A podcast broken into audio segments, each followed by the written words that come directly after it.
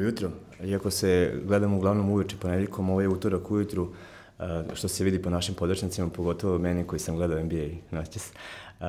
Prvi put od pokretanja podcasta sa mnom je neko drugi put, to je Neša Petrović i to sa velikim razlogom, prijatelj, kolega, kolumnista Monda i dugogodišnji reporter sa utakmica reprezentacije Srbije, bio si u Lavovu, nekako tebi možda i, i, i najmanje teško palo ovo, naviko si, bilo ih je. Bilo ih je, da, samo što sam ga ja izgovarao Ljevov. Ljevov, da, je, ali ne mogu pred 11. Da, dilema, Oko 9 ujutru već je one lje, lje, Da, teško. dilema je Lavov ili Ljevov, čuo sam da su ga neki izgovarali Lavov, neki Ljevov, nije ni bitno, bitno je da ćemo mi taj Ljevov pamtiti po loš. Da ćemo se eto i za, za 20 godina sećati tog brodolama protiv Ukrajine, nažalost. Da, e, paradoksalno igrali smo sinoć utakmicu, ali smo opet počeli nekako te, od te Ukrajine, ali to nije uh, put koji sam hteo da, da krenem u ovom podcastu, hteo sam da krenem uh, od nečega drugog. Ti od 2011. imaš e, privilegiju, čast i obavezu da glasaš u UEFA-inom izboru za futbolera godine u Evropi. Uh, ko će biti tvoj glas ove godine? Znaš šta, moram da te razočaram, ne smijem da kažem koji će biti glas, to nam je strogo zabranjeno do ceremonije tamo u Grimaldi forumu u Monte Carlo, a ta ceremonija je 29. avgusta, znači kada bude i ceremonija žreba za grupnu fazu Lige šampiona. Jesam, u glavi sam već odlučio, pa UEFA još nije poslala te listiće, čekali su da se završe sva takmičenja koja su pod njenim okriljem. Dakle, čekali su da se završe ovaj playoff Lige da. nacija, jer i to ulazi u, u obzir, uzima se u obzir. Dakle, Ronaldo je sa ovom tripletom protiv Švajcarske i sa osvojenim trofejom. Sada u finalu protiv Holandije opet e, istakao kandidaturu i vratio se u igru. Iako je posle one eliminacije protiv Ajaxa nekako bio, bio u senci ovih drugih iz Liverpoola i Tottenhima, mislim da je sada opet ozbiljna kandida da bude u, u top 3. Koliko mu malo treba, samo. Samo Vidi malo. Vidi da smo posplavni, rekao si tripleta umesto hat-trick, verovatno, ali to je to, slično. Da, ja je zovem triplet, tačno, da. Ovaj, Tri gola su u svakom slučaju. Dobro, to je, to je jedan, uh, dosta izbora, uh, mislim da postoji previše izbora u svetu futbola i da možda zato i gube na, na značaju jer običnom posmatraču, futbolskom navijaču ne može da pohvata ko, ko je više osvojio šta i, i, i ko glasa, ali taj UEFA izbor je dobar zbog toga što i dalje Ko? Glasaju novinari, je li tako? Jest. Slažem se da ima puno izbora. Znaš kako, uh, Michel Platini dok je bio predsednik UEFA te 2011. uveo taj izbor baš da bi bio pan dan FIFA-inoj zlatnoj lopti i da bi vratio duh one nekadašnje zlatne lopte France futbala, da. koja je krenula 56. pa trajala dok se nisu... Do je bila jest, samo za evropske futbalere. Jeste, od 95. 6. prvi put su ušli Ivan Evropljani u konkurenciju, pa je George Vea bio prvi. Ali Maradona i Pele nisu. Nik, da, nikad nisu osvojili zlatnu loptu. Ali je FIFA onda to uzela nekako otela, bukvalno France futbalu, jedno vreme su zajedno organizovali, pa se posle ponovo razdvojili, sada FIFA ima svoj FIFA The best, best da. France futbal ima svoju zlatnu loptu, a UEFA ima taj UEFA best player koji traje to do 2011 ono što, što izgleda, ispravlja recimo... nepravde, ali tako? Ispravlja nepravde, da ono što je meni jako drago, i to sam baš komentarisao sa svojim kolegama iz žirija, mi smo jedini odali priznanje recimo Andresu Iniesti, znači velikom majstoru futbala. Mislim da FIFA i France futbol i dan danas žale što nisu uručili ni jedno svoje priznanje Iniesti za celu karijeru.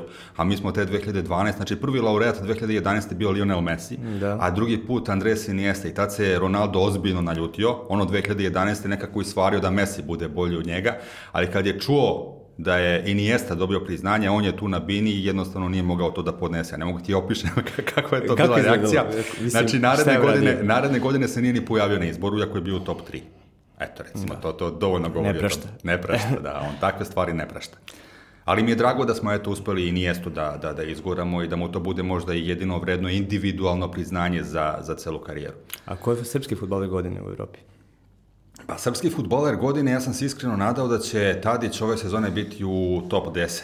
E, tim pre što finale Lige šampiona u Madridu nije ostavilo neko, neki bog zna kakav da, utisak. Da, da, Obično ta finale imaju presudan uticaj na članove žirija da se, da se opredele ako su imali do tada neku dilemu. E, sticajem okolnosti niko nije odskočio u tom finalu, ajde Van Dijk koji je i sada favorit broj 1 po mom mišljenju, je bio na, na, na svom nivou, ostali nisu. Salah jeste dao gol iz penala, ali prosto da. se nije video tih 90 minuta. Međutim, evidentno je da neko iz Liverpoola mora, mora da bude u top 3, ali taj loš kvalitet same utakmice opet Tadića nekako izbacio u prvi plan. Ja sam očekivao da će dobiti popriličan broj poena. Do sada jedini Srbin koji se našao u, u, u top 10, da kažem, koji uopšte nominovan je bio Nemanja Vidić te prve sezone 2011. Da, 2011. Ja sam mu dao tada glas, tad smo išli po principu pet naših kandidata, pa 5, 4, 3, 2, 1 poen. Sad se to smanjilo na 3 ide 5, 3, 1 poen. I ozbiljno sam se nosio mišlju da dam bar jedan point Tadiću, ali poslove Ukrajine malo, malo sam se ovaj, zamislio, počeo da vidim šta ću da uradim. A dobro, to nas nekako prati, uvek imamo to ovaj, da, da futbaleri naši, eh, gledamo ih svaki vikend kako igraju u klubovima i onda eto, očekujemo da će se oni sad skupiti u, u, ući u onu kuću uh, futbala u Staroj Pazovi i, i da će se dogoditi neka magija, da će konačno sad igrati svi, kako, bar kao što igraju u klubovima ili, ili 70% toga, ali dogodi nam se 5-0. Bio si u um, u Ljubovu, Lavovu, da. Um, I zanima me tvoj utisak, počeo bi priču o toj utakmici i o celom vikendu od futbalera. Uvek nekako sad u prvi plan izađu i selektori i, i, i ljudi iz Saveza, ali ajde da počnemo od njih. Oni su bili na terenu, uh, to što su postavljeni prvi put u formaciju uh, na kraju sezone, negde pet dana pred utakmicu, što nisu ni igrali, ni vežbali, verovatno to je druga stvar, ali opet smo videli ono upiranje prstom, a, širenje ruke i ostalo, negde na 2-0 bilo jasno da, da nam preti katastrofa i nije bilo reakcije u drugom polovremenu. 40 sekundi kasnije treći gol i, i, i, i vukli smo se do kraja. Da. To je ono što mene najviše boli, što smo sve vreme dok je trajala Liga nacija govorili kako je to prilika za eksperimente i za uigravanje tima, za isprobavanje nekih varijanti za kvalifikacije I onda kad su došle kvalifikacije, mi potpuno menjamo sistem i prelazimo na nešto što do sada nismo igrali. Mi jesmo kod Muslina igrali sa da. trojicom pozadi, ali, ali u jednom potpuno drugom sistemu. Čak i Kolarov posle u mix zoni rekao da jeste on svoje vremeno u Sitiju igrao tu poziciju tog levog štopera, ali da nije na ovaj način kao što je to bilo sada u Ljubovu.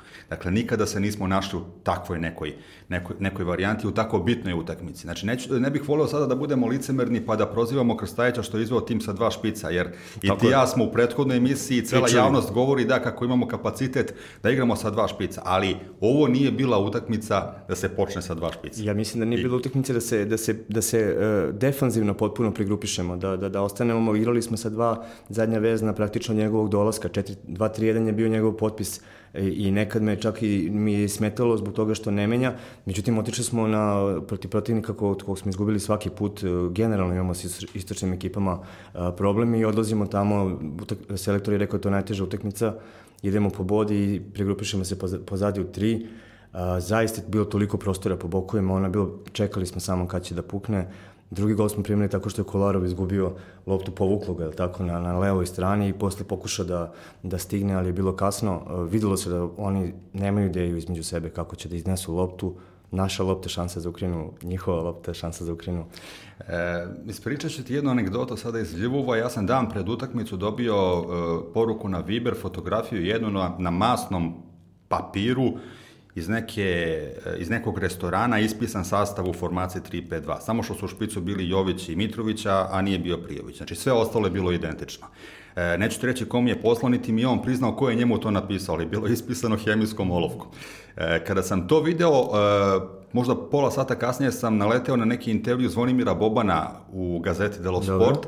E, potpuno neka nebitna priča gde on govori o sistemima, pošto on bio jako cenjen i priznat opionista, znači ovaj stručni konsultant na televizijama, da, da, pre da. nego što se posvetio FIFA i sada će otići u Milan. Ali je bio sjajan komentator i on je sad, pitali su ga nešto oko tih sistema, oko taktike i rekao je da recimo najviše na svetu što mrzi jeste sistem 3-5-2, kaže u modernom futbolu niko više ne igra 3-5-2, jer se to obično pretvori u 5-3-2, nikada nije 3-5-2 jer su ti bočni igrači uh, uglavnom defanzivnih karakteristika. I onda mi je to nekako bilo u glavi ta njegova izjava, ovaj tim koji sam video na, na fotografija, poslao mi ga čovek od poverenja i znao sam 99% da ćemo izaći, da. da ćemo izaći u tom sastavu i pokazalo se da, da, da je to bila jako loša, loša ideja. A, kako su ti oni izgledali uh, generalno od trenutka kad su se skupili, počeli da treniraju, oni su imali po 15, 15 dana od kraja sezone čekalo se to finale Lige šampiona, odužilo se, nekako, neki su bili na moru, neki su proveli uh, sa porodicom u Srbiji, neki su, bilo je tu i svadbi i, i okupljanja, uh, opuštanja i onda ponovo upadanje u taj tonus, neki treninga, pet dana i izlazak na utakmicu u nečemu što nikad nismo probali. Kako su ti oni izgledali? Su oni delovali u avionu na aerodromu naoštreno, motivisano, eto, si imao neki osjećaj da će to biti dobro ili loše kad smo kad Pa znaš kako, ti to ne možeš da primetiš tako lako, mislim, oni su uvek, oni uvek odaju utisak zainteresovanih igrača, igrača koji su spremni da, da, da daju svoj život na terenu da bi reprezentacija pobedila. E, po meni je logično da je došlo do tog opuštanja, mislim, nisu oni roboti, završila se sezona, naporna sezona, morali su malo negde da se odmore, da daju sebi oduška.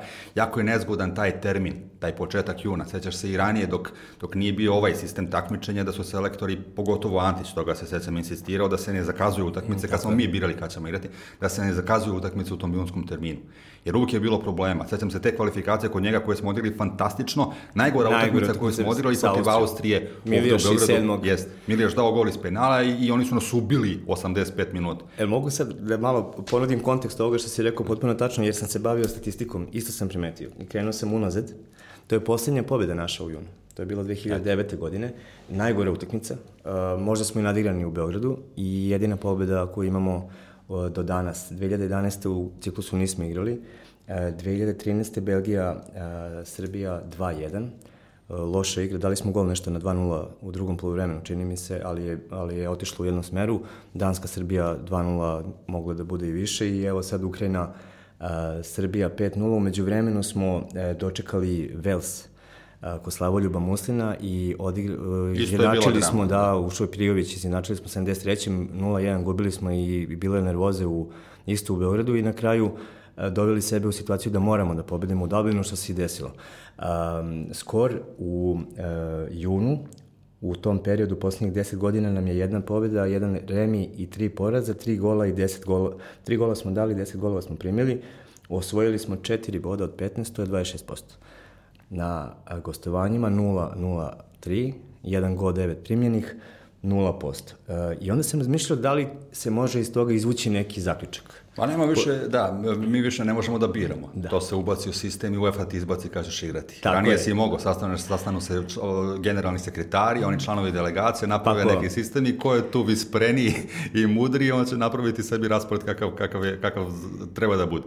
Onda sam pokušao da uporedim taj, e, taj skor, recimo 1-1-3, sa nekim, pred, nekim drugim mesecom. Da li vidim da li može da se izvuče neki, neki zaključak. I vratio sam se dva meseca u nazad, dva i po meseca u nazad u mart, u istom periodu. Imamo četiri pobjede, dva poraza i dva remija, 13 golova, 10 smo primili, 14 od 24 boda smo osvojili, to je 58%, za razliku od ovih 26. Na strani imamo 2-2-2, 9-9 gol razliku, 8 od 18 osvojenih bodova i 44%. Uh, očigledna je razlika kad su u sezoni, kada su u full napolu, naponu, kada dolaze iz klubova i prva sledeća utakmica je oni dođu tako u ponedeljak, igrali su u nedelju i već u petak igraju prvu. Yes. A, to je 4-5 dana, to je neki tempo koji, u kom su inače cele sezone i kada se desi ovaj kraj sezone, nekako manje više siguran naš poraz. Yes. Antić je rekao jednom svom pomoćniku ko, sa kojim sam razgovarao na ovu temu da postoje dve ključne stvari kada se planira odlazak na veliko takmičenje. To je da prvu utakmicu igraš kod kuće po svaku cenu, dok si još mogu da biraš, a drugu na strani, a protiv, protiv lakšeg protivnika, da, da imaš šest bodova posle prvog vikenda, da to neverovatno utiče na psihologiju svih u grupi. A druga stvar, rekao mu je, ne zakazuju utakmice u junu u Srbiji. I na kraju se ispostavi da je on, eto, u, u 2009. bio poslednji selektor koji je a, ostvario pobedu u junu, to se nekako generacijske prenosi. Ne možemo da okrivimo ni ove momke sada, ni, ni selektora Krstajića, to je nasledno izgleda ovaj, da naši futbaleri kad dođe kraj sezone Zaista. Pokojni Bata Bolatović je napravio fenomenalan raspored e, u onom kvalifikacionom ciklusu za Nemačku 2006. Baš to što ti govoriš sada. Imali smo te neke dve, tri lakše utakmice na startu kvalifikacija, krenuli pobedama i bodovima, onda je sve bilo lakše. A na sve te tvoje podatke treba dodati činjenicu da su Ukrajinci uh, poslednje kolo svog prvenstva igrali sedam dana pre utakmice Ukrajina-Srbije. A gro njihove reprezentacije i gro tog startnog tima protiv Srbije čine igrači iz Ukrajinske premier ligi. Eto, taj Ljubov je recimo 30. Da. maja igrao protiv Šahtjora, izgubio 2-0, a Dinamo Kijev je pobedio u gostima ne znam tačno koju ekipu, ali to je 7 dana pre utakmice. Znači, da. svi su bili u, svi su. u, u fullu, u mnogo boljoj formi nego naše koji su imali velike pauze između kraja prvenstva i te utakmice. Da li se tu onda radi o nekoj e, nevolji, o nekom nedovoljnom zalaganju ili prosto jedno, e, ako su ekipe blizu, da će ona koja je u boljem momentumu to iskoristiti. Da. Pa u, sad u ovom savremenom futbolu svaki taj detalj igra bitnu ulogu, apsolutno svaki. Ja ne, ja ne mogu da verujem da u reprezentaciji postoji neko ko nema voljni moment. I to je ono što me najviše nervira. Sad sam baš pitao, pitao Ljajića, pošto mi se namestio u mix zoni, jer je u, u jednom svom odgovoru rekao da su oni imali veću želju za pobedom. Ja znam da li sam ti pominjao u prošloj emisiji, sećam se, sećam se časa filozofije, ali sam ti govorio o tome. Ne. Gde nam profesor na početku časa kaže, pošto mi dole u zadnjoj klupi čitamo sportski žurnal, on kaže, ajde vi futboleri, zvao nas je vi futboleri. Kaže, recite mi koja je najveća glupost koju jedan futboler može da izjavi posle utakmice. Mi blenemo onako, ne znamo o čemu se radi. On kaže, najveća glupost je da kaže da je protivnik više želeo pobedu. Pa čekaj, zašto si onda izašao na teren? Tako je. Zašto si bio u timu? A ja to je nisam... svetinje, je tako? I naj, najvažniji Absolut. dres i da. gomila je to floskulo koje se samo izbacuju nekako. Mislim da kao neki generator nikad ne zna šta će da bude, ali eto. I nisam mogao, pošto volim ljaju, još od Intera, nisam mogao da izdržim, a da, da, da, mi, da mi se izvuče posle takvog odgovora. Pitao sam ga, izvini, a kako to mogu oni da imaju veću želju za pobjedom od, od tebe koji si izašao na teren? Onda on počeo malo da muca, zbunio se, ču, u stvari shvatio šta je rekao, pa je objasnio da nije to baš tako, da nije mislio da nisu imali želju, nego da, da, da, jednostavno tako delovalo na terenu. A, dobro, i, i ostali mom, momci su svaku u, u skladu sa svojim temperamentom komentarisali uh, utakmicu u Ukrajini. Dule Tadić je rekao da je to sramota, Kolarov uh, doveo pitanje dosta toga, bio je kao i kapitan, uh, dosta konkretan, ali nekako uvek to dođe u, u, ka, nakon što se nešto desi. Uh, najlošije se snašao Spajić, koji je eto rekao još jednu ovaj, kako ne, kako glupost, glupost, eto, zašto, da, pa da, da, eto, ja nešto biram reči. Zovimo stvari svojim imenom, da, da, da, da, da je možda i bolje što ćemo igrati pred praznim tribinama. Znači, naši momci su izgovorili da se protivnik želeo više i da je možda i bolje što, što ćemo igrati pred praznim tribinama posle 5-0.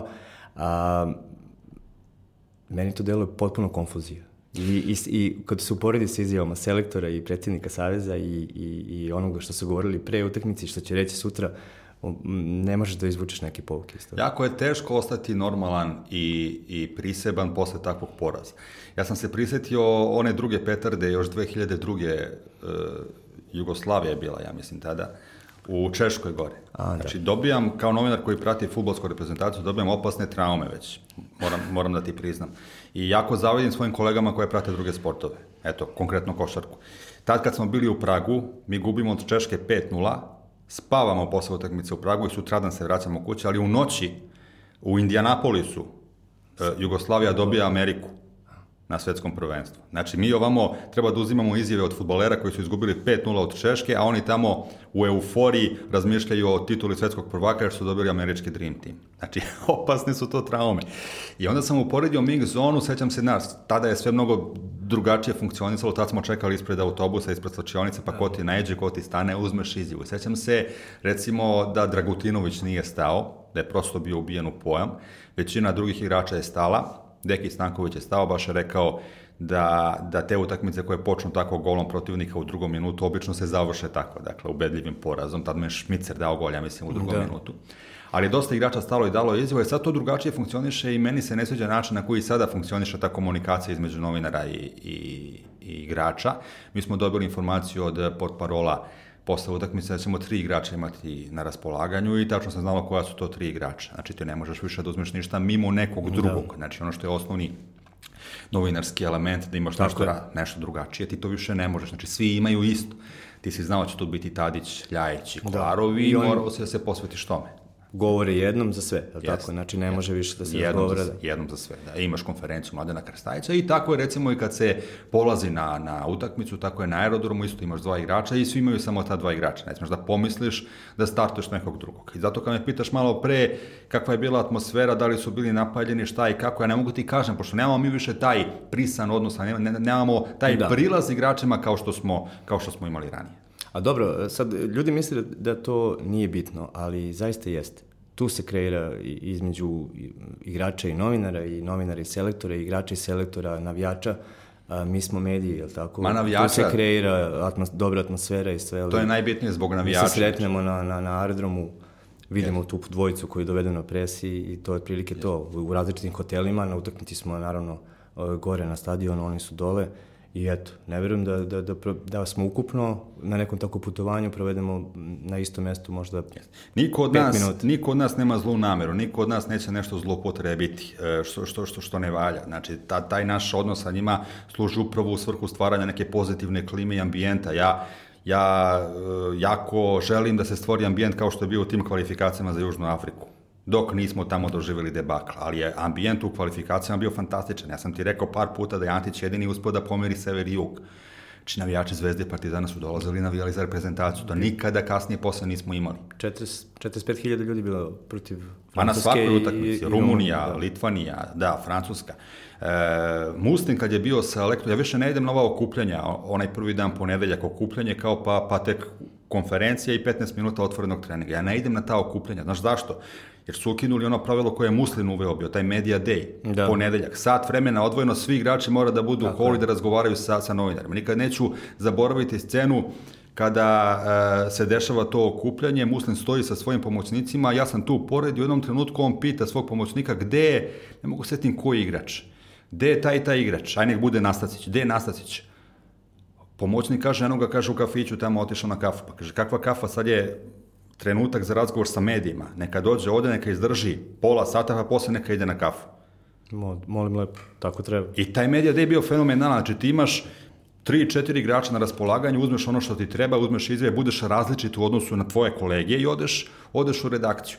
A ovo sada odeš, imaš konferenciju taj dan gde su selektori i, novina, i selektori i kapitan ili selektori, neki igrač pred svim novinarima, imaš 15 minuta treninga, pa šta će mi to? Da li ti se čini da, da, da imaju drugačije aršine uh, na kritiku uh, tamo negde da igraju i kada dođu ovde? Pa ne, igrači su sada pokazali da, da znaju da istrpe kritiku, recimo, što ranije nisu. E, Kolarov je, čini mi se, prvi put stao u mig zonu i, i kada je Vuković posle trećeg pitanja rekao, ok, to je to, on je rekao, ne, ne, ne, čekaj, tu sam, neka pitaju šta god hoće. I baš su bili samo kritični, video se i sam. Ali kako, kako da budeš drugačiji posle 5-0 u, u, ne znam. u Ukrajini, mislim. To je, to je jedino normalno što su mogli da urade u tom trenutku. Tadić samo što nije zaplakao. On jeste motivac. Ja verujem da se on zaista tako osjeća. To, to, to ne može da se folira. Da, to u Rusiji sam kod njega vidio kad su izlazili kroz onu zmiju od 50 metara da, da je nekako naj e, pokunjeniji bio. Ne znam da li se to videlo u prenosu kad se završala utakmica ovde u Ljevovu da je toliko bio besan da, da, da je E, skinuo dres, bacio, šta je sve imao kod sebe, isto je bacio, baš psovao, bio je, bio je užasno besan.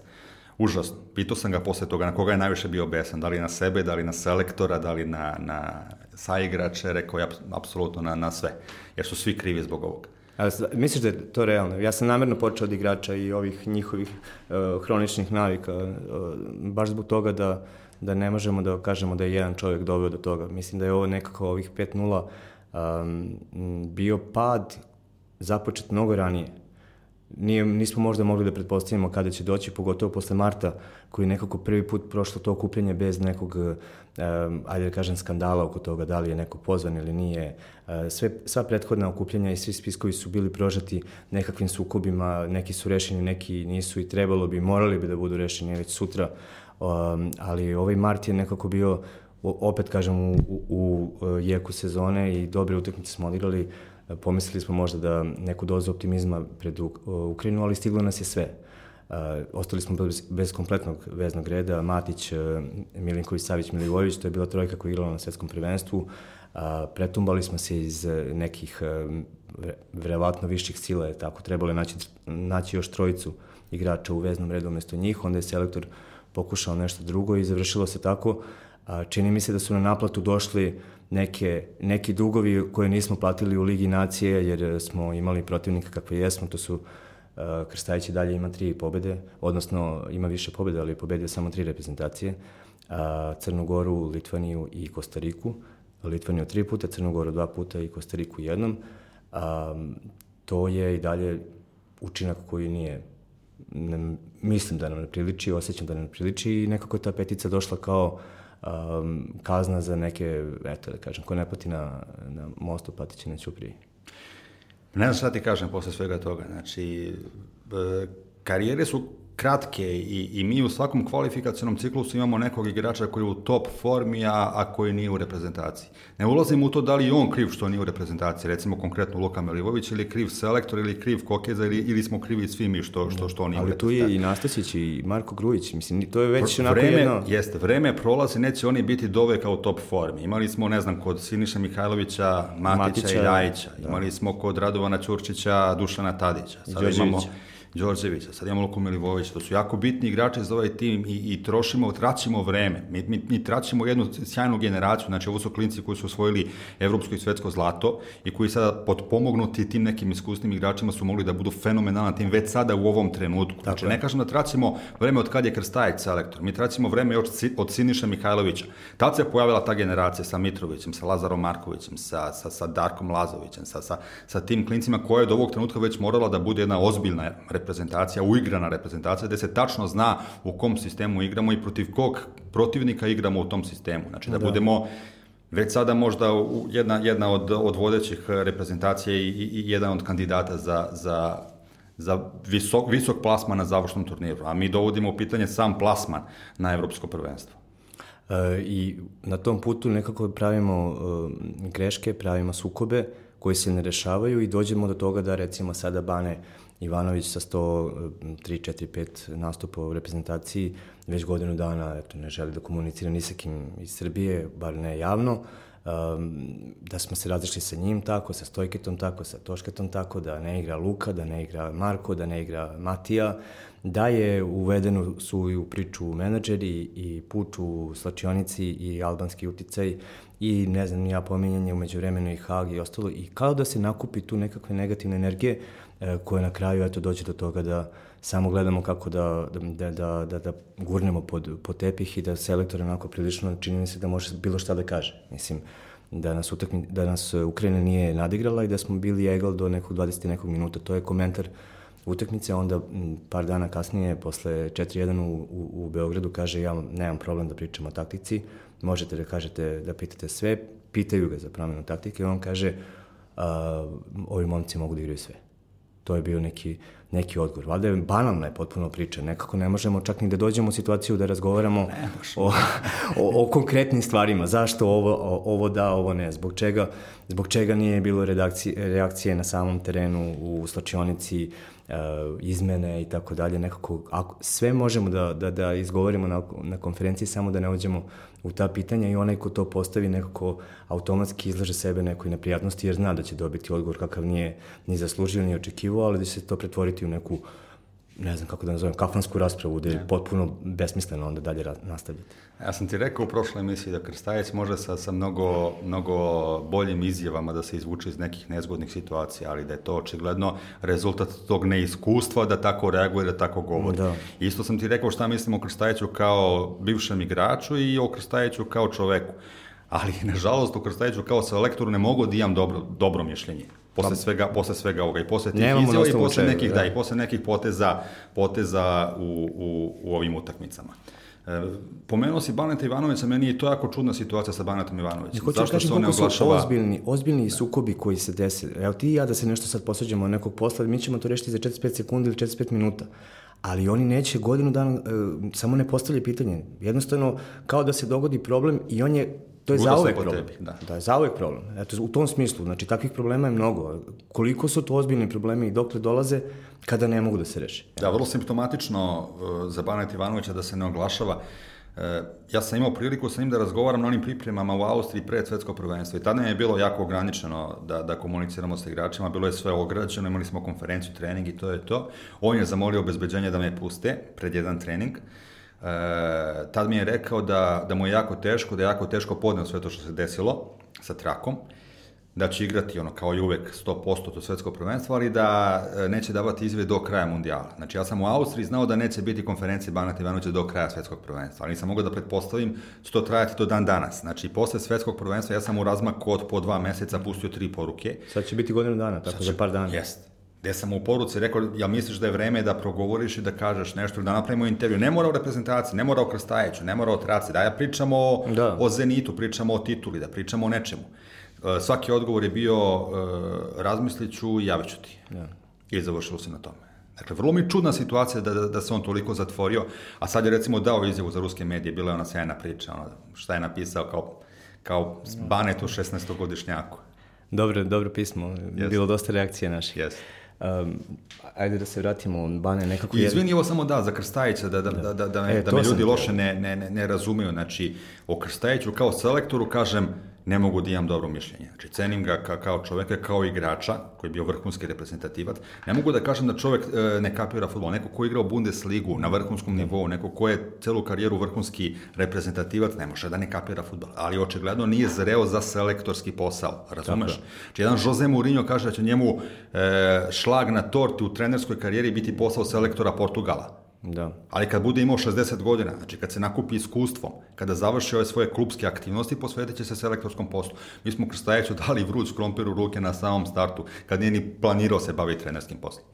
Uh, otprilike se tobom slaže i, i, i preko 10.000 uh, čitalaca Monda koji su glasali do sada u anketi koju smo postavili posle 5.0 i uh, njih 80% je uh, izabralo odgovor da Krstajić nije ni trebalo da bude selektor, e, oko 3% smatra da treba da nastavi da radi. To su e, to je 10 puta veći uzorak od onog koji agencije uzimaju za procenu rezultata izbora, već oko 1000 nekih e, odgovora dovoljno za, za prilično tačne podatke.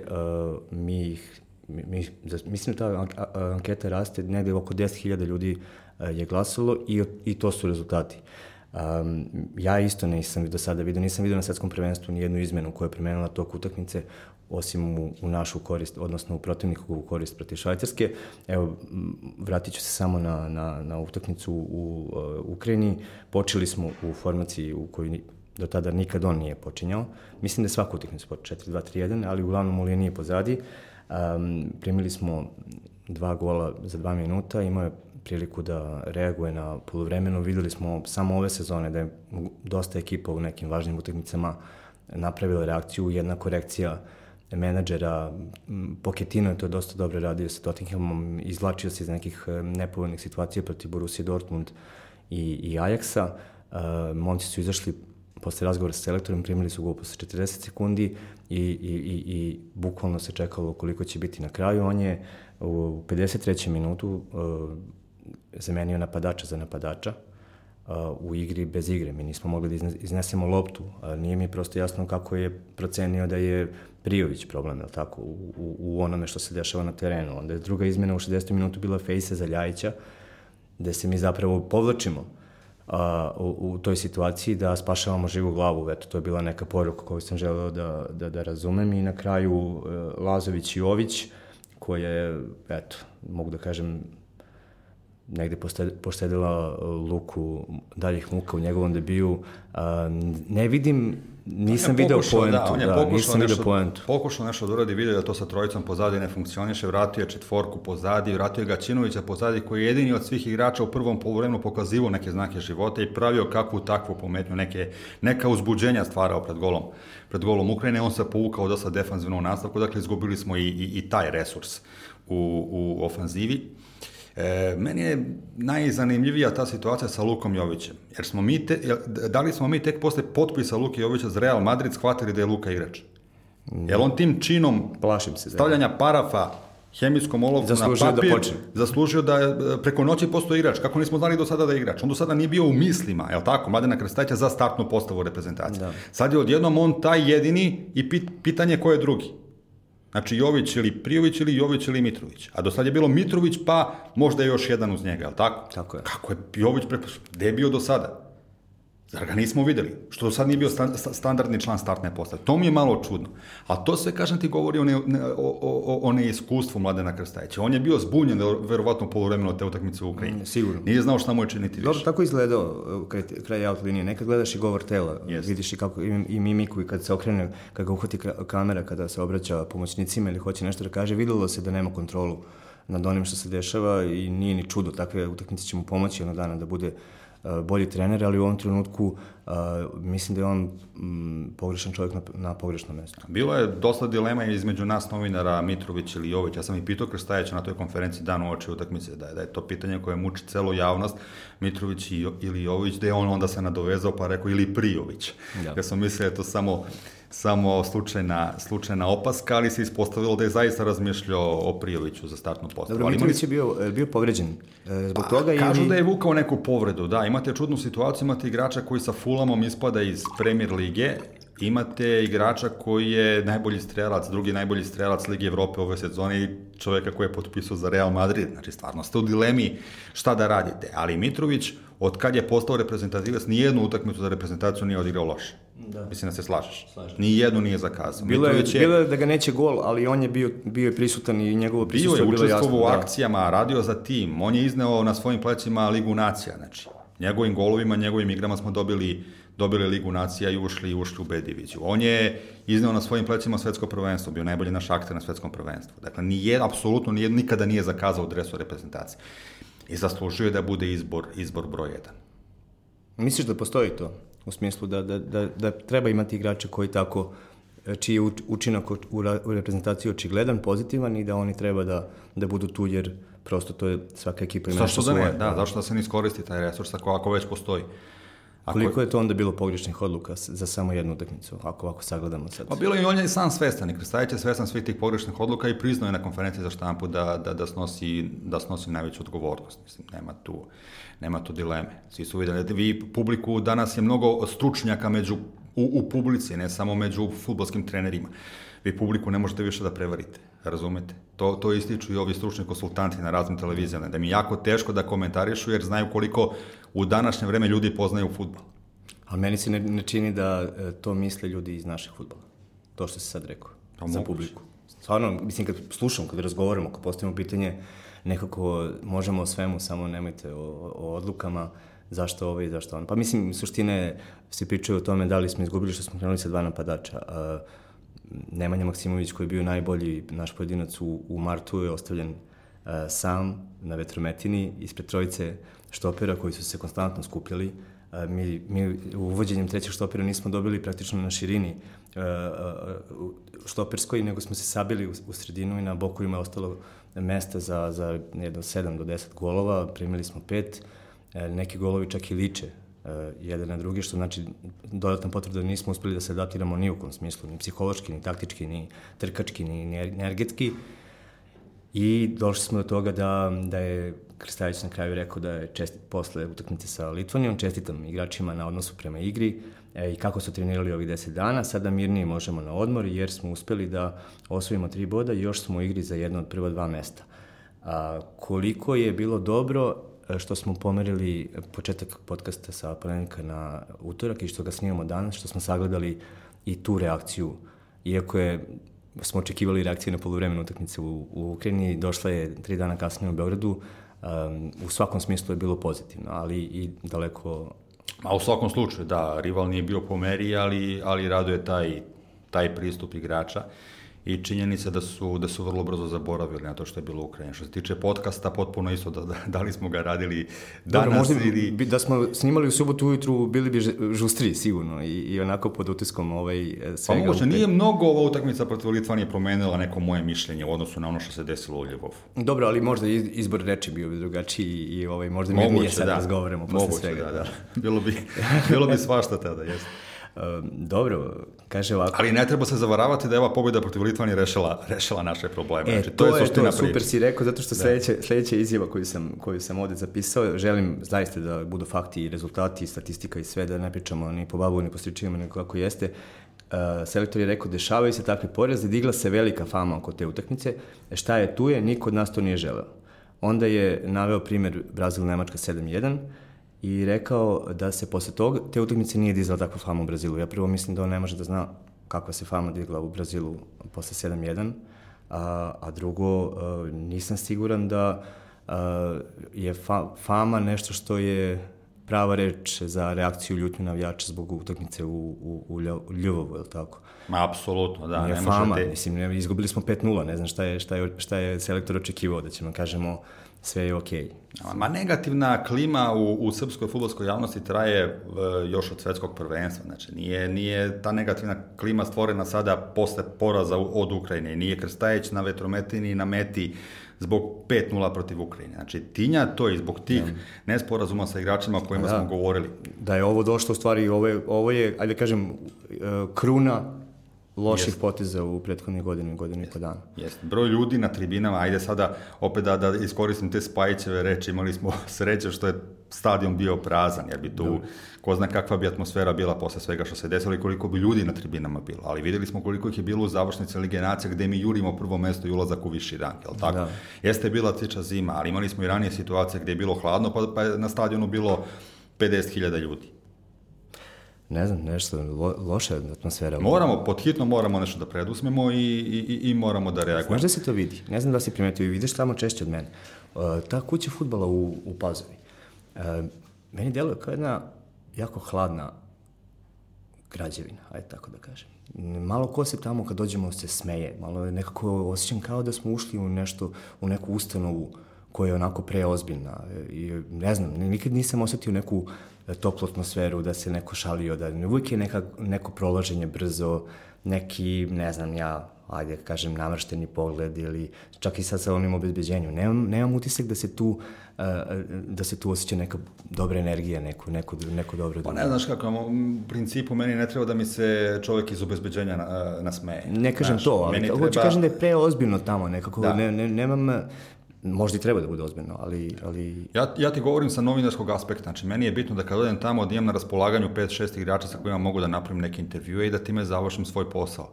I zato mi je ona situacija kad je Muslim bio selektor i kad smo imali taj medija da je imalo da. dušu, imalo da. smisla, imalo suštinu. Ovo mi sad nema smisla. Pa Razumeš? to, to je negde utisak yes. kompletan yes. da... I, I o tome mogu da govorim. A kad si pomenuo anketu, da li ste imali anketu koga vide za selektora?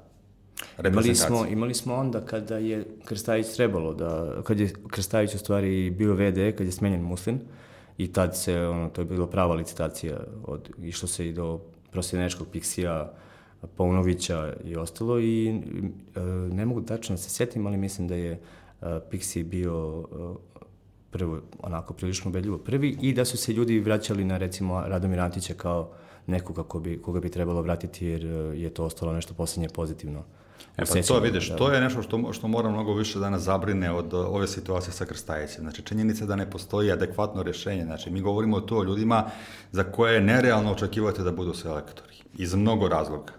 Je li tako? Da. Ili oni neće, ili imaju obaveze prema drugim klubovima, ili ih savez neće, Či imali smo par neuspešnih pokušaja. Mislim, jako je teško danas doći do informacije u Futbolskom savezu Srbije. Mi da. možemo samo preko nekih naših starih izvora ili pre, preko nekih, nekih drugih e, ljudi da dođemo do neke poluinformacije. Znači, imali smo informaciju da Veljko Paunović bio kandidat u onom jednom trenutku, pa da, da na kraju nije bilo ništa od toga. Pa smo imali eto informaciju za Dragana Stojkovića, ali tako, posle svetskog prvenstva, da je ozbiljan kandidat, čak se pričalo o nekom dvostrukom poslu da ostane u u Kini, ali da, da preuzme i kormilo reprezentacije, pa se i to pokazalo kao nerealno. Čovjek ima tamo 6,5 miliona po godini, da. a tako, da. još tri godine ugovora. To je ogromna svota novca. I koje se on neće lako odreći da bi, da bi došao da bude selektor reprezentacije. Sad se govori o Ljubiši Tumbakoviću, meni ni to nije rešenje isto. Naravno da nije. Mislim da nekako ne, nemamo, i uvijek ide ta, e, šalio sam se sa drugovima, kao ako će otići Krstajić, ne znam ko mi je rekao da će sledeći biti Simo Krunić, ali sam rekao ne, mora prvo jedan i starije garde da, da dođe, pa će onda da dođe mlađi nekako, tako i ovaj, tako i išlo. Dobro, šta će biti u sredu? Šta, imao šta očekuješ? Sam, imao sam ovaj, sad skoro na Instagramu isto ostavio sam ne, ne, neki svoj komentar, ali baš u danu kada je Mihajlović e, definitivno dogovorio sa, sa Bolonjom novi ugovori 2 miliona za 3 godine. E, da, da mi on sad definitivno sazreo recimo za tako neki posao. Da. Ono ranije se učio, znači dozvolili smo mu da se uči na reprezentaciji, kad je bio trener početnik, kad je imao mnogo dečih bolesti, kad je imao grešaka. Sada kad je konačno sazreo, on je prosto neuhvatljiv, tako sad je to nemoguća misija da on dođe za selektora. Ali mislim da je ovo sada bio idealan trenutak, da je on čovek sa svom stvari, tako neki čovjek ne mora bude Mihajlović, sa harizmom, da. sa tim nekim nervom koji može da razmrda ovu ekipu i koji može da je, da je izvuče iz mrtvih, iz te neke učmalosti u, u koju je upala. Ako nešto zna, to zna. Jesi, videli smo sa Bolonjom da, da Yes. koliko, 6-7 pobjeda iz 9 kola, on je oni su imali čudo. dva, dve pobjede za celo prvenstvo. On je napravio tako. čudo tamo i sad je postavio ultimatum da ostaje ukoliko imaju ozbiljan projekat da se bore za Evropu, a ne više za opstanak. I sjajnu izvu je dao Marko Di Vajo, koji je bio igrač kada je Mika počinjao prvi put u Bolonje kao trener 2007. Tad je Marko Di Vajo igra, bio igrač. Sad su ga pitali kad je opet Miha počeo drugi mandat u Bolonji kad su dobili Empoli u gostima. Pita, pitao ga je, pitali su ga novinari u čemu je razlika između Siniše tada i sad I Divajo je rekao, kaže, tad kad, je igra, kad, smo, kad smo igrali prvu utakmicu sa njim, igrali smo u Torinu, gubili smo na polovremenu 1-0, Miha je ušao u slačionicu, razbio sve što mu se našlo pod rukom, uzeo onu trenersku tabu za taktiku u param parčat, izašli smo u drugom polovremenu i dobili 5-2.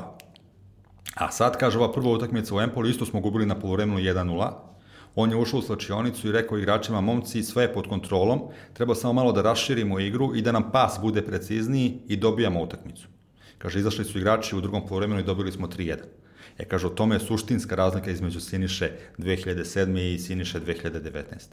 I suštinska razlika što ne, nismo imali u nekim bitnim utakmicama yes. reprezentacije u, u, u međuvremenu.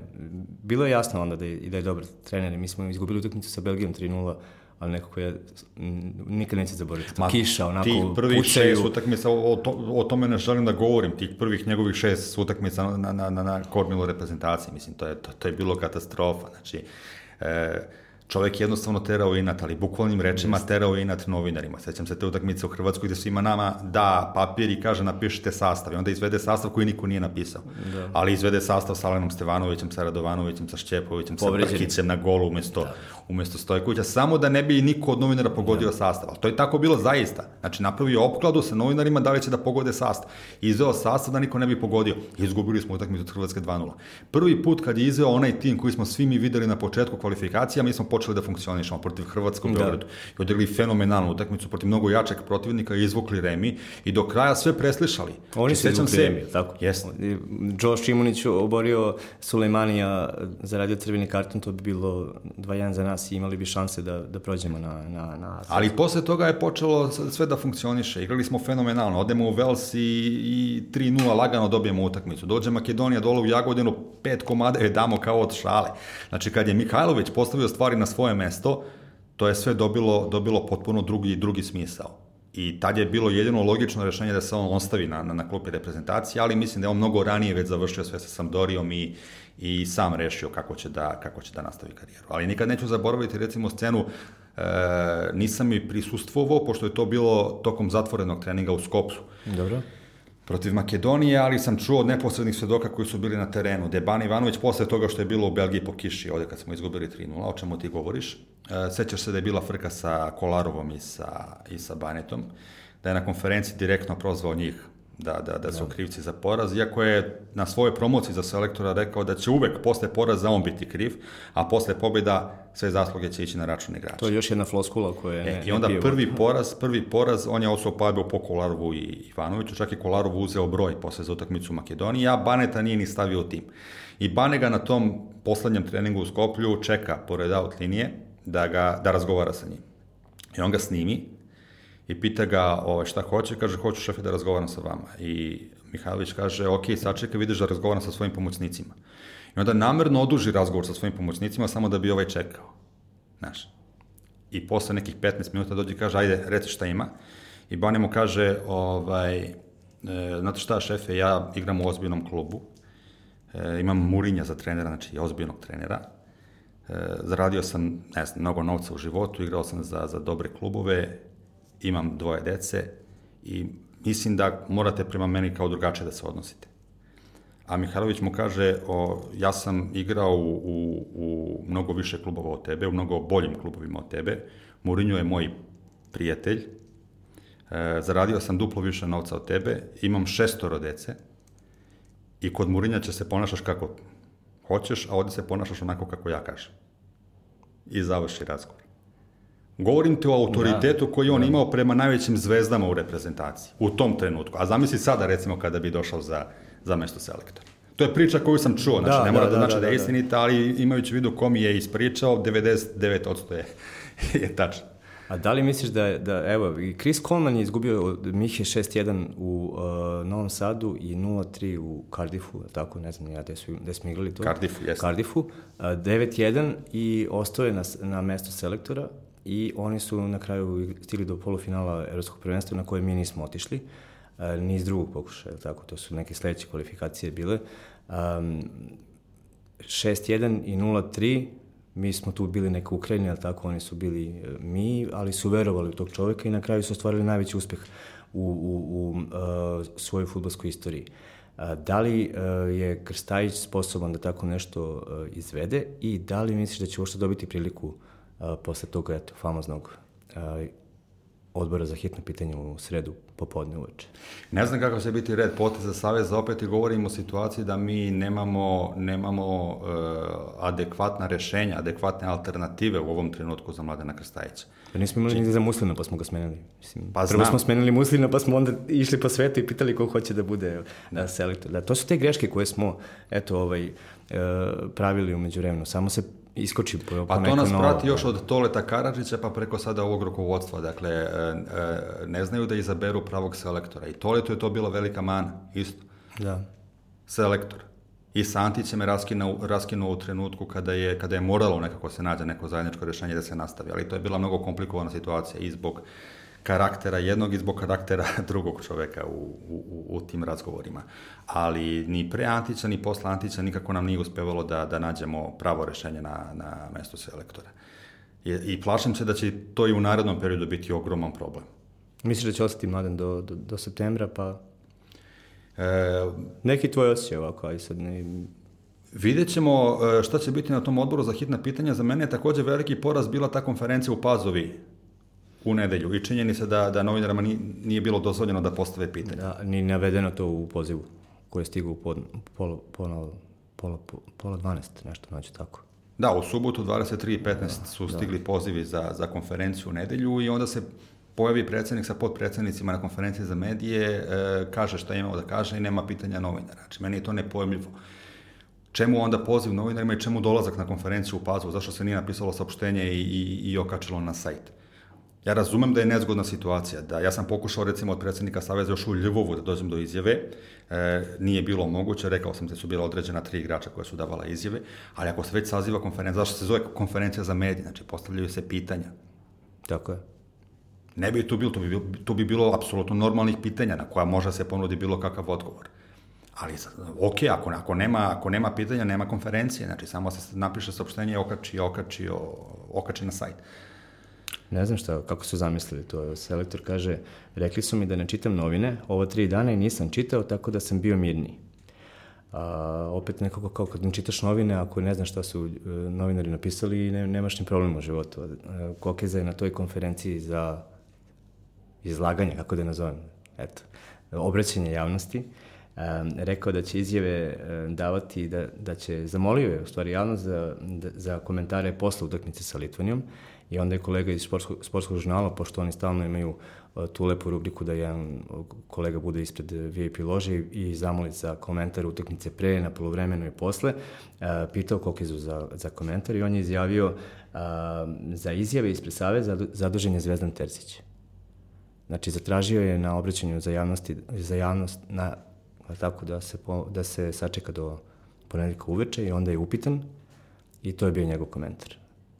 Ja, nisam to čuo. Eto, pročito sam jutro u novinama, kad, kad, mm -hmm. pre smo se našli. Ovaj, eto, da li je to besmisleno sad? Nisam Opet se vraćamo, čuo. na, vraćamo sad na, na onaj odnos sa Hrstajićem gde on, eto, će reći bukvalno bilo šta, da, da nas Ukrajina nije, nije nadigrala ili da, eto, ne čita novine i da je mirniji.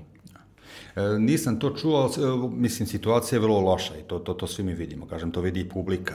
Mi moramo podhitno nešto da preduzmemo ne samo zbog ovih kvalifikacija, nego zbog, zbog narednog ciklusa, zbog te generacije koja je fenomenalna i, i, i, i koja ima potencijala da napravi veliku stvar kad su već mogli u, u omladinskoj konkurenciji, zašto ne bi mogli u seniorskoj. Svi znamo dok su dogurali e, članovi one čelijanske generacije kasnije sa svojim karijerama pogotovo ta hrvatska recimo reprezentacija, da. ili da je ostala, ne znam, Jugoslavija ujedinjena, dokle bi, šta, šta bi sve napravila, jer, jer, jer je bilo mnogo dobrih igrača. Sad imamo, znači, u dve te generacije i u toj Drulovićevoj, u to, toj Paunovićevoj fenomenalne momke, a, a, a mi ih ovako trošimo. Znači, mi smo morali već sada da budemo ozbiljna reprezentacija. Da li sa Veljkom Paunovićem, da li sa, sa Sinišom Mihajlovićem, da li sa Piksim Stojkovićem, nebitno, ali da se što pre nađe neko rešenje.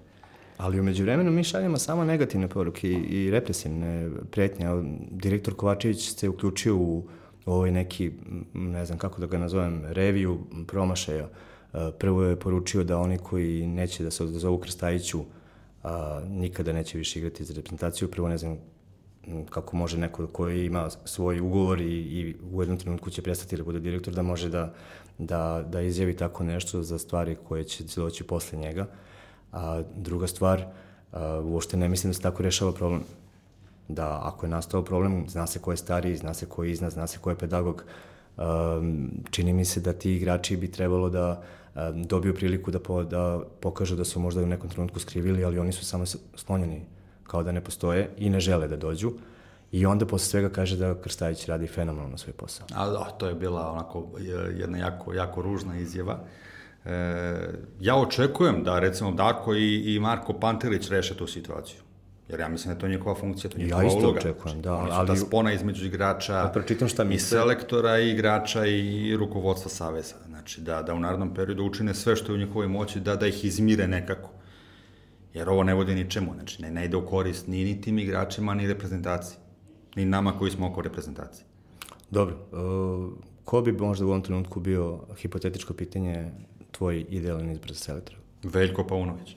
Veljko Paunović, da. Pre Pixije. Da, kad se Niša već ne može, meni je Veljko Paunović idealno rešenje, jer poznaje sve te momke koji treba da budu okosnica tima. Ba, priča sa Pixijem i deluje nerealna, jer smo je već dva, tri puta e, počinjali i nikada je nismo završili. Znači, očigledno tu postoji nešto što, neka prepreka koja ne može se premosti.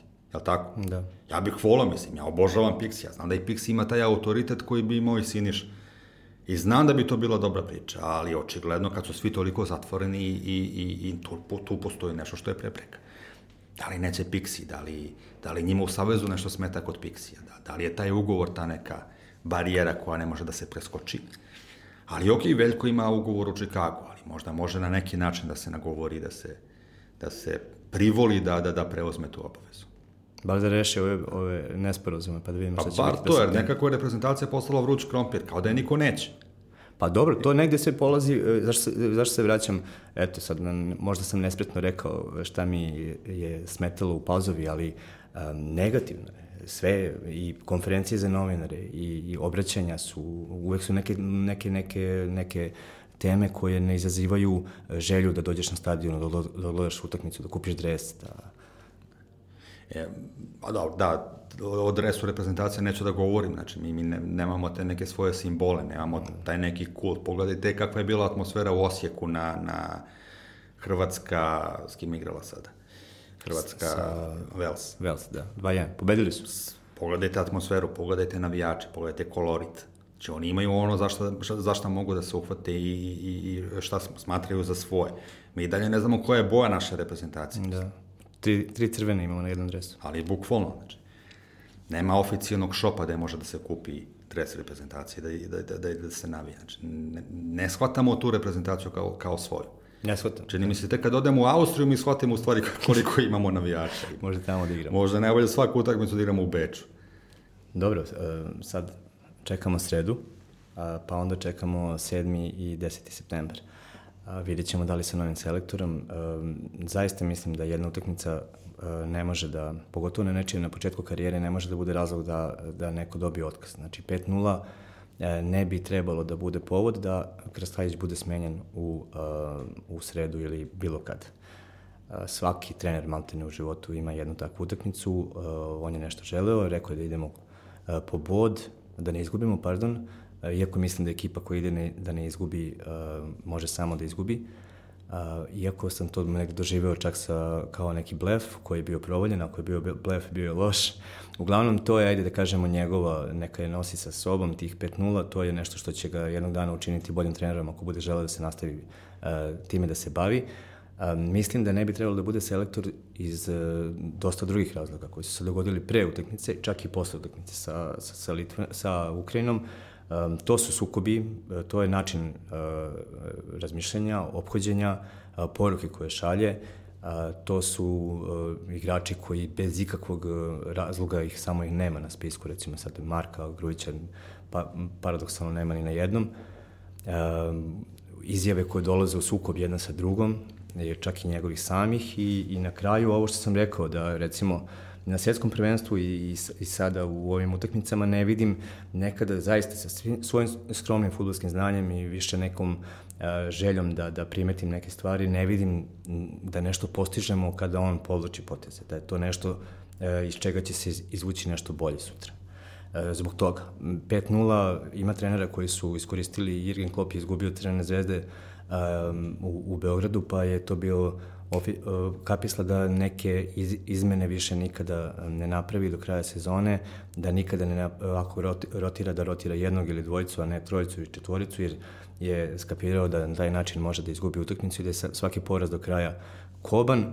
Um, Krstajić se kao i Miha uči na reprezentaciji i mislim da imamo pre, pre dobru uh, generaciju i da možemo previše toga da, dobrog da, da uradimo u narednom periodu da bi neko na kraju na ovim momcima uh, pekao zanat i za 10 godina kad budemo pričali o njemu kao i sa Mihom prepričat ćemo ove anegdote i on će imati uspehe u, tome što bude radio, ali u ovom trenutku nam je potreban neko ko je zreliji, uh, staloženiji, ko može da reši probleme, a ne da ih uh, gomila.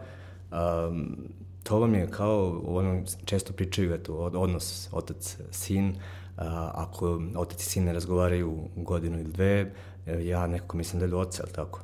Da je potreban neko ko će smiriti strasti, ko će okupiti ponovo te momke i, i krenuti e, da grade nešto što će u, ne znam, dve ili četiri godine doneti neko četvrt finale iz 90. koje danas deluje kao ono, science fiction. Jeste. Eto, to, je ne, to, je, to bi bila neka moja zaključna reč zbog toga što nam dolazi taj septembar, uh, u koji mi ulazimo sa četiri boda uh, iz tri utakmice.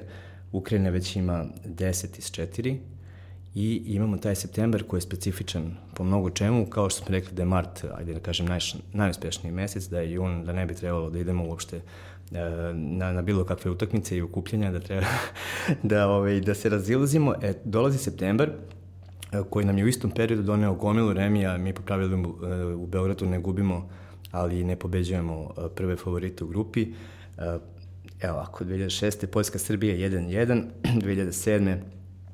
Srbija Finska 0-0, pa onda odmah sledeća utakmica Portugal Srbija 1-1, 2009. Srbija Francuska 1-1, 2010. Srbija Slovenija 1-1, 2012. Školska Srbija 0-0, 2013. Srbija Hrvatska 1-1, 2016. Srbija Irska 2-2, i eto, prošle sezone smo, prošle, pretprošle godine smo reagovali na onih junskih 1-1 sa Velsom, golom Kolarova u Dublinu, to nam je eto najvažniji rezultat uh, u septembru. Nismo izgubili, nije bilo petardi, ali nije bilo ni pobjeda i onda smo nešto kasnije se čupali u oktobru i novembru. A, mnogo bitna utakmica za nas je mnogo bitan vikend jer idemo, idemo na noge posle Portugala, Luksemburgu koji uh, je sve samo ne, neko ko će podeliti bodove. Sve su bitne, da, sve su bitne do kraja. Mi opet se bavimo matematikom, a znamo iz prošlosti kad god smo se bavili matematikom u kvalifikacijama, nikada nismo imali e, preciznu računicu. Kaže Radomir šest bodova odmah, pa, pa onda... Odmah, pa lagano, pa posle pusti matematiku, da. da, da, ne zavisiš od drugih. Opet mi sada pada na pamet ta Petarda u Pragu 2002. Tad je Deo Savićević bio selektor, napravio mnogo grešaka. Uh, e, naučio na greškama i narodnu utakmicu recimo protiv Italije odigrao mnogo bolje, opreznije i izvukli smo bod u Napolju. Pa onda dobili Finsku opet u jednom brutalno lošem prvom poluvremenu gde su Piksi Stojković kao predsednik i ne znam ko još sišli u slačionicu doli morali da reaguju i rekli mu šta, šta mora da uradi da bi to promenio. Izašli smo u drugo polovreme i baš je Dako Kovačević, ja mislim, dao, dao jedan gol i ne znam ko je dao drugi. Mi smo dobili na jedvite jadje tu utakmicu protiv Finski, a onda u finišu tih kvalifikacija gde je Gurban Gurbanov objasnio da je možda da. ipak bolje da se posveti nekom drugom zanimanju i da selektorski posao nije, nije za njega. Mene plaši da nam se to možda ne dogodi ovoga puta, da Ronaldo ili još gore neki ne znam, Litvanac u finišu kvalifikacije ili Ukrajinac pokaže Krstajeću da, da ne treba da se bavi selektorskim poslom. Nadam se da tako neće biti. E, definitivno nisu šanse izgubljene, naravno, početak je kvalifikacija. E, Ukrajinci su isto remizirali sa, sa Portugalom tamo.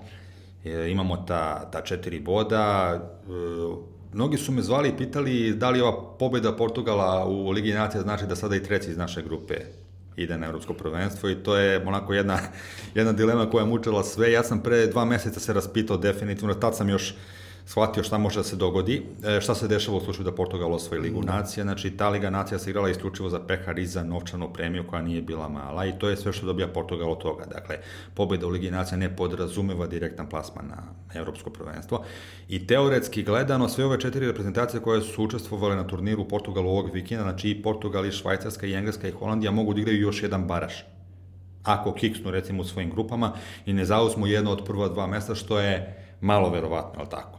Ima jedna zanimljivost, ako recimo, pošto imamo 12 tih reprezentacija za divizije Lige Nacija, da. ako svih 12 recimo iz uh, kvalifikacija izbori plasma na prvenstvo Evrope, ne igra se taj baraž u A diviziji, nego Bosna i Hercegovina kao najbolje rangirana iz B divizije ide direktno na evropsko prvenstvo i oslobođena je baraž, a onda se sve pomera dole za pojedno mesto. A ako recimo 10 reprezentacija za divizije izbori plasman preko kvalifikacija, ostaju dve, opet nema baraža, jer ne mogu se mešaju reprezentacije za i B divizije, nema baraža u A diviziji, nego bolje rangirana od te dve preostale ide direktno na evropsko prvenstvo. Eto, čisto malo da pojasnim da, da ljudima da. bude jasno šta se dešava, znači ova pobjeda Portugala ne znači da će treći sada iz naše grupe ići, da, jer u čemu onda suština kvalifikacije za Portugal do kraja da. ciklusa. Nije to UEFA uopšte loše, loše smislila i uradila. A, da li ćemo igrati na Evropskom prvenstvu 2020. Moramo da igramo kako. O čemu ćemo ti ja da razgovaramo u narodnom podcastu o kojem se pozoveš ako, o, ako ne budemo otišli. Ne, ne, jednostavno to, to, to bi bio zločin da, da ova reprezentacija sa ovim klincima koji su pokazali u svom uzrastu da su, da su bolji od svih drugih i u Evropi i u svetu, sada u seniorskoj kategoriji ne dobije šansu da, da učestvuje na završnom turniru. I onda, svi, onda bi svi morali da se zapitamo zašto je to tako. Pa možda bolje sad da se zapitamo pa da igramo, nego da se zapitamo ako ne... Evo, ti ja se pitamo sad. Da, ti ja se, pa juče smo, da, juče smo, kolega Milutin napisao odličan tekst, e, o, ja mu kažem, ajde daj neki, neku malu retrospektivu da... da ovaj, Šlagvorta. Da, ali, ali on se uvijek raspiše i to je bilo okej. Okay. I onako da je malo smeo, smeo naslov, e, izvinjenje na pitanja, ne, plasirajte se na evro. Ja znam da sam ja dodao jedan deo ovaj, i rešite probleme. Um, zaista je bitno. Mislim, mi nemamo trenutno atmosferu koja će garantovati, možda ćemo i otići na euro, ali će nam se desiti nova Ukrajina i, i onda će biti ponovo uh, pučeva i, i, i razlačenja po medijima i ko je šta kome obećao i ko je koga vrbovao i opet ćemo izaći iz futbolskih priča i opet ćemo izgubiti neke momke koji nikada više neće doći uh, na to okupljanje sa nekim, ne znam, vjerojatno razmišljajući potencijalno šta ih sledeće čeka i, i gde bi mogli sledeći put da naprave neku grešku zbog koje će biti na negativan način predstavljeni javnosti i ne bilo koji način. Jednostavno možda neće, ne, neće biti prijatni pred roditeljima. Tako da mislim da nemamo dobru atmosferu u savezu, u ekipi, oko ekipe i da je neophodno dođe neko ko će, ko će uspeti to sve za početak da, da, da, ne znam, kao onom gumicom u osnovnoj školi da izbriše i da, da pokuša da, da je jedno od najtalentovanijih ekipa u Evropi u ovom trenutku, to ne znači sistem, to ne znači tradicija, to ne znači uh, kvalitet igre, to ne znači način pobeđivanja i, i, i učenje nekih stvari, ali mi zaista imamo talentovanu ekipu, ekipu koja može tehnički da izvede bilo šta, ali i dalje gubimo utakmice 5-0. Da. Pa srećno. Srećno, da. Srećno do evropskog Srećno prvenstva. Srećno do evropskog prvenstva. Da, moramo tamo, nema, nema nam drugi. Dobro. Ne, ne znam, meni se čini da ovo bilo ako dosta um, kako da kažem, potkovana kritika, da nismo, nismo se bavili. Nije, nema tu zle namere, mislim, govorimo ono što vide svi, to, to, to je apsolutno jasno. Mi ne možemo da prevarimo publiku, to sam ti rekao sto puta. Če razmišljamo onako kako oni razmišljaju, uz te neke dodatne informacije koje im imamo izunutra, je li tako? Da, da. Koje su malo zavrnute da, u da, posljednje vreme. Koje ali publika dobro. nema i onda donesemo neki stav koji, za koji smatramo da je ispravan. E sad, da li neko drugi misli drugačije, to je njegova stvar. Hvala ti što si bio drugi put. E, september je naš, to već vidim.